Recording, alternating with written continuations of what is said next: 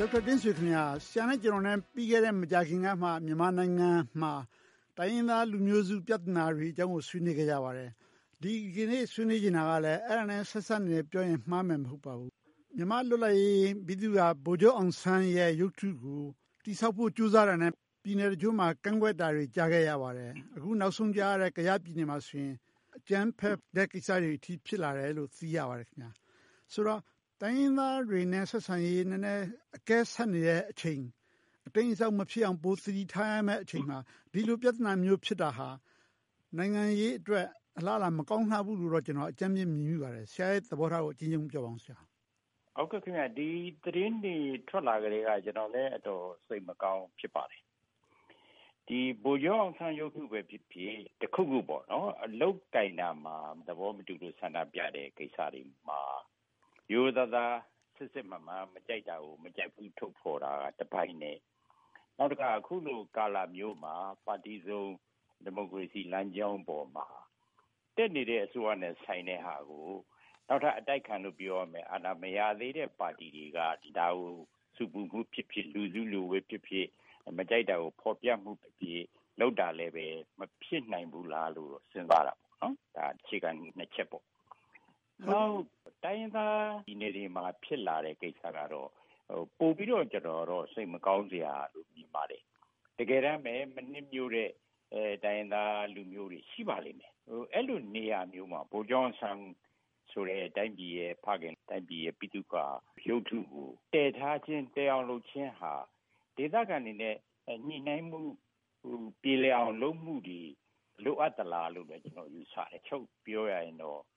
မဖြစ်တဲ့ဓာရီဖြစ်နေသလားလို့ ကျွန်တော်တန်တရားရှိပါတယ် ဟုတ်ကဲ့ နှစ်ချက် ကျွန်တော်က ပြန်လှန်ဆွေးနွေးကြပါတယ် ပထမတစ်ချက်ကတော့ ဗိုလ်ချုပ်အောင်ဆန်း ရုပ်ထုထားတာနဲ့ ပတ်သက်ပြီးတော့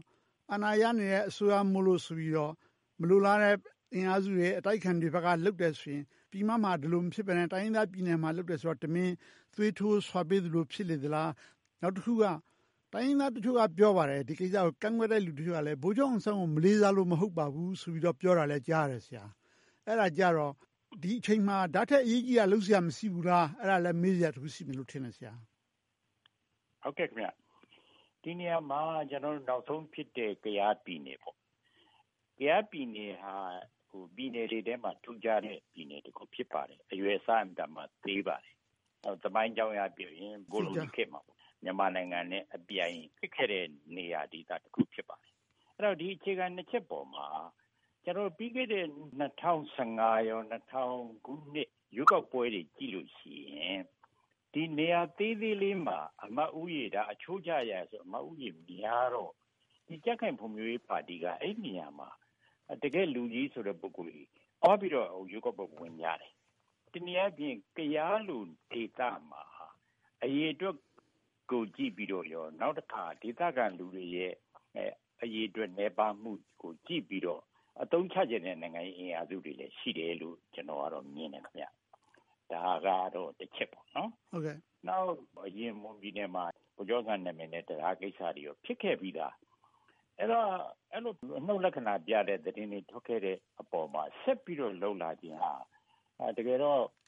နှစ်ခါပြန်စဉ်းစားမယ့်ကိစ္စတွေလိုအပ်ခဲ့လားလို့ကျွန်တော်ကဟိုဆွေးပါတယ်ခင်ဗျဟုတ်ကဲ့ကျွန်တော်လည်းအဲ့ဒါပြောချင်ပါတယ်ဒီအချိန်မှာလုပ်ဖို့လိုသလားနောက်တစ်ခုက ဒီလုပ်တယ်ဆိုတာ အမျိုးသားဒီမိုကရေစီအဖွဲ့ချုပ်က မူအနေနဲ့ ချမှတ်တာလားသူတိမဟုတ် ဒေသအာဏာပိုင်တွေကအများအတင်းတွန်းပြီးတော့လှုပ်ချင်သလား သူတို့ရဲ့ အာဏာကြီးစုမှုကို ပြကျင်တဲ့သဘောနဲ့လှုပ်လေသလား အဲ့လိုလှုပ်တယ်ဆိုရင်တော့ဒါမလှုပ်တဲ့ ခြေလှမ်းလိုပဲ ထင်ပါတယ် ကျွန်တော်လည်း သဘောတူတယ် ဘာကြောင့်လဲဆိုတော့ NLD ပါတီဟာ1988ဘုံကျော်မှုကြီးအပြီးမှာ ပေါ်ထွက်လာတဲ့ ပါတီကြီး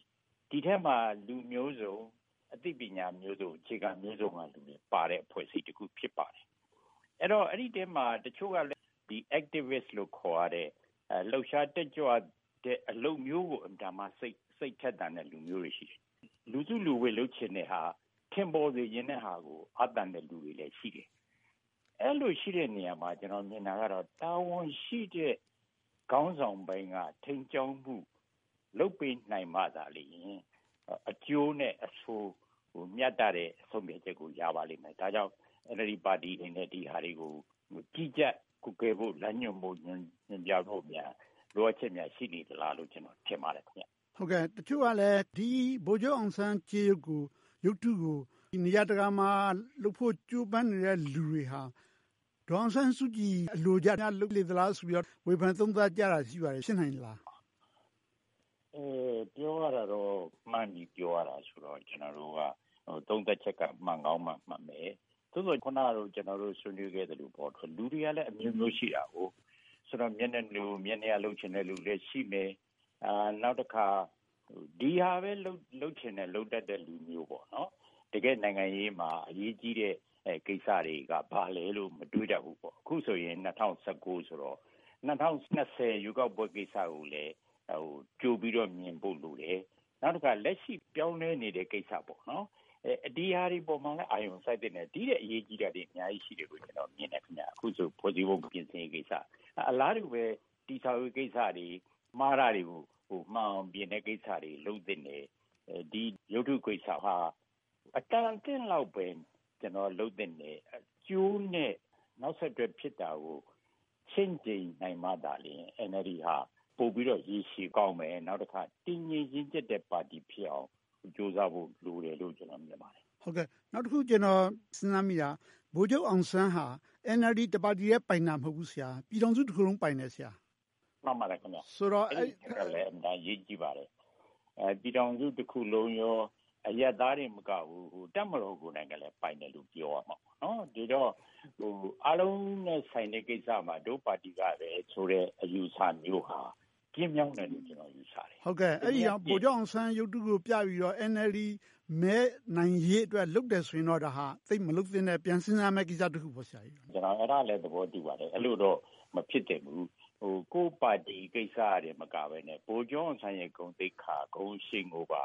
ကျွန်တော်တို့က ကြည့်ကြရမှာ တတိုင်းတစ်ပြည်လုံးနဲ့ဆိုင်နေ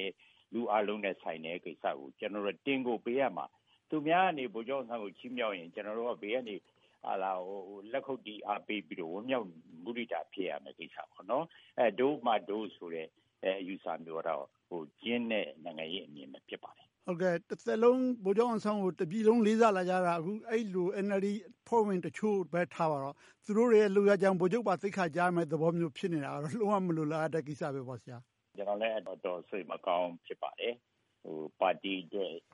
ကဒုတိယနဲ့ ပထမကတော့ပိုကျော်အောင်ဆိုင်ရဲ့ ဂုံရှိနောက်တစ်ခါ အားလုံးချုပ်လိုက်လို့ရှိရင် ကျွန်တော်တို့ တိုင်းပြည်ရဲ့ဟိုသွေးစည်းညီညွတ်မှု သဘောထားအာပြည်ပြမှု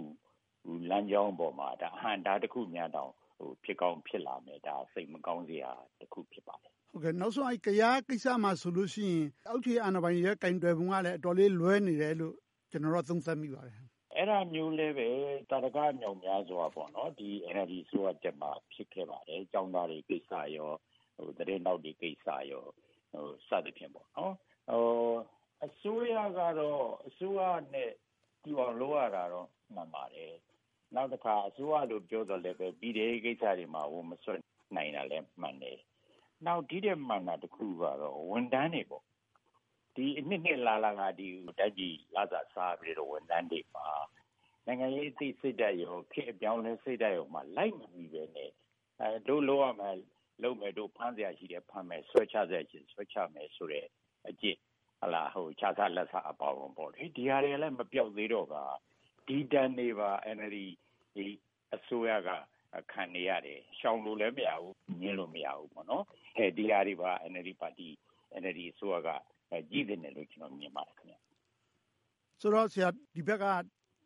ဗိုလ်ချုပ်ရုပ်ထုထားစီရေးကိစ္စကိုဇွတ်ဆက်ပြီးတော့လုပ်နေကြမယ်ဆိုရင် NLD အစိုးရနဲ့တိုင်းရင်းသားဒေသတွေရဲ့ကွဲပြားမှုကိုဘယ်လောက်ထိရိုက်ခတ်သွားနိုင်မထင်ပါလဲအဲအထင်အငေါ်တစ်ခုလို့ပြောရမှာပေါ့သို့တော်လည်းပဲတိုင်းရင်းသားတွေဘက်ကရောဒီ NLD ဘက်ကရောလာအမျိုးမျိုးကြီးတဲ့အသိခံစိတ်ရှိနိုင်စွာရှိတဲ့ခေါင်းဆောင်တွေလည်းရှိပါတယ် ဒါကြောင့် ကျွန်တော်မြင်တာကတော့ဟိုအရေးကြီးဆုံးက တိုင်းသားသူစီညီညွတ်ရေးနဲ့ဒါပြည်တော်စုကြီး မပြိုကွေရေးဆိုတဲ့ ကိစ္စပေါ့နော် ဒါ စစ်တပ်ရဲ့အတုံးလုံးပါပဲ သို့တော်လည်းပဲဒါမှန်ပါတယ် ဒီအတွက်ကတော့ အပြန်အလှန်ပေါ့နော် အစိုးရဘက်ကဖြစ်ဖြစ်အဲဗမာလို့ပြောတဲ့ဘက်ကဖြစ်ဖြစ်တမ်တော် စစ်တပ်ဘက်ကပဲဖြစ်ဖြစ် တိုင်းသားဘက်ကဖြစ်ဖြစ် အမျိုးမျိုးကြီးတဲ့ ခေါင်းဆောင်တွေကအာဒီဒီညှိနှိုင်းမှုပေါ့ဆွေးနွေးမှုဒီလုပ်မှသာလျှင် အားလုံးတိုင်းပြည်အတွက် ကောင်းမှာဖြစ်တယ်။သောတရှင်များခင်များ။တကယ်တော့ ဗိုလ်ချုပ်အောင်ဆန်းဆိုတာဟာ ပြည်ထောင်စုသားအားလုံးရဲ့ ရင်ထဲအသည်းထဲမှာ ရှိပြီးသား ဖြစ်ပါတယ်။ဒါကိုမှ ပါတီတခုရဲ့ အကျိုးစီးပွားအတွက် ဗိုလ်ချုပ်အောင်ဆန်းရုပ်တုကို အတင်းအဓမ္မ တိုင်းရင်းသားဒေသတွေမှာ လက်ခံစေခြင်းဟာ ကောင်းကျိုးတစုံတရာ မရှိနိုင်တဲ့အပြင် ဆိုးပြစ်တွေသာ များလာလေမလားဆိုတာကို အလေးအနက် စဉ်းစားသင့်ပါကြောင်း ပြောကြားရင်းခုတပတ်အစီအစဉ်ကို ဒီမှာတင်ဒီကုန်းချုပ်လိုက်ပါရခင်ဗျာကျေးဇူးတင်ပါတယ်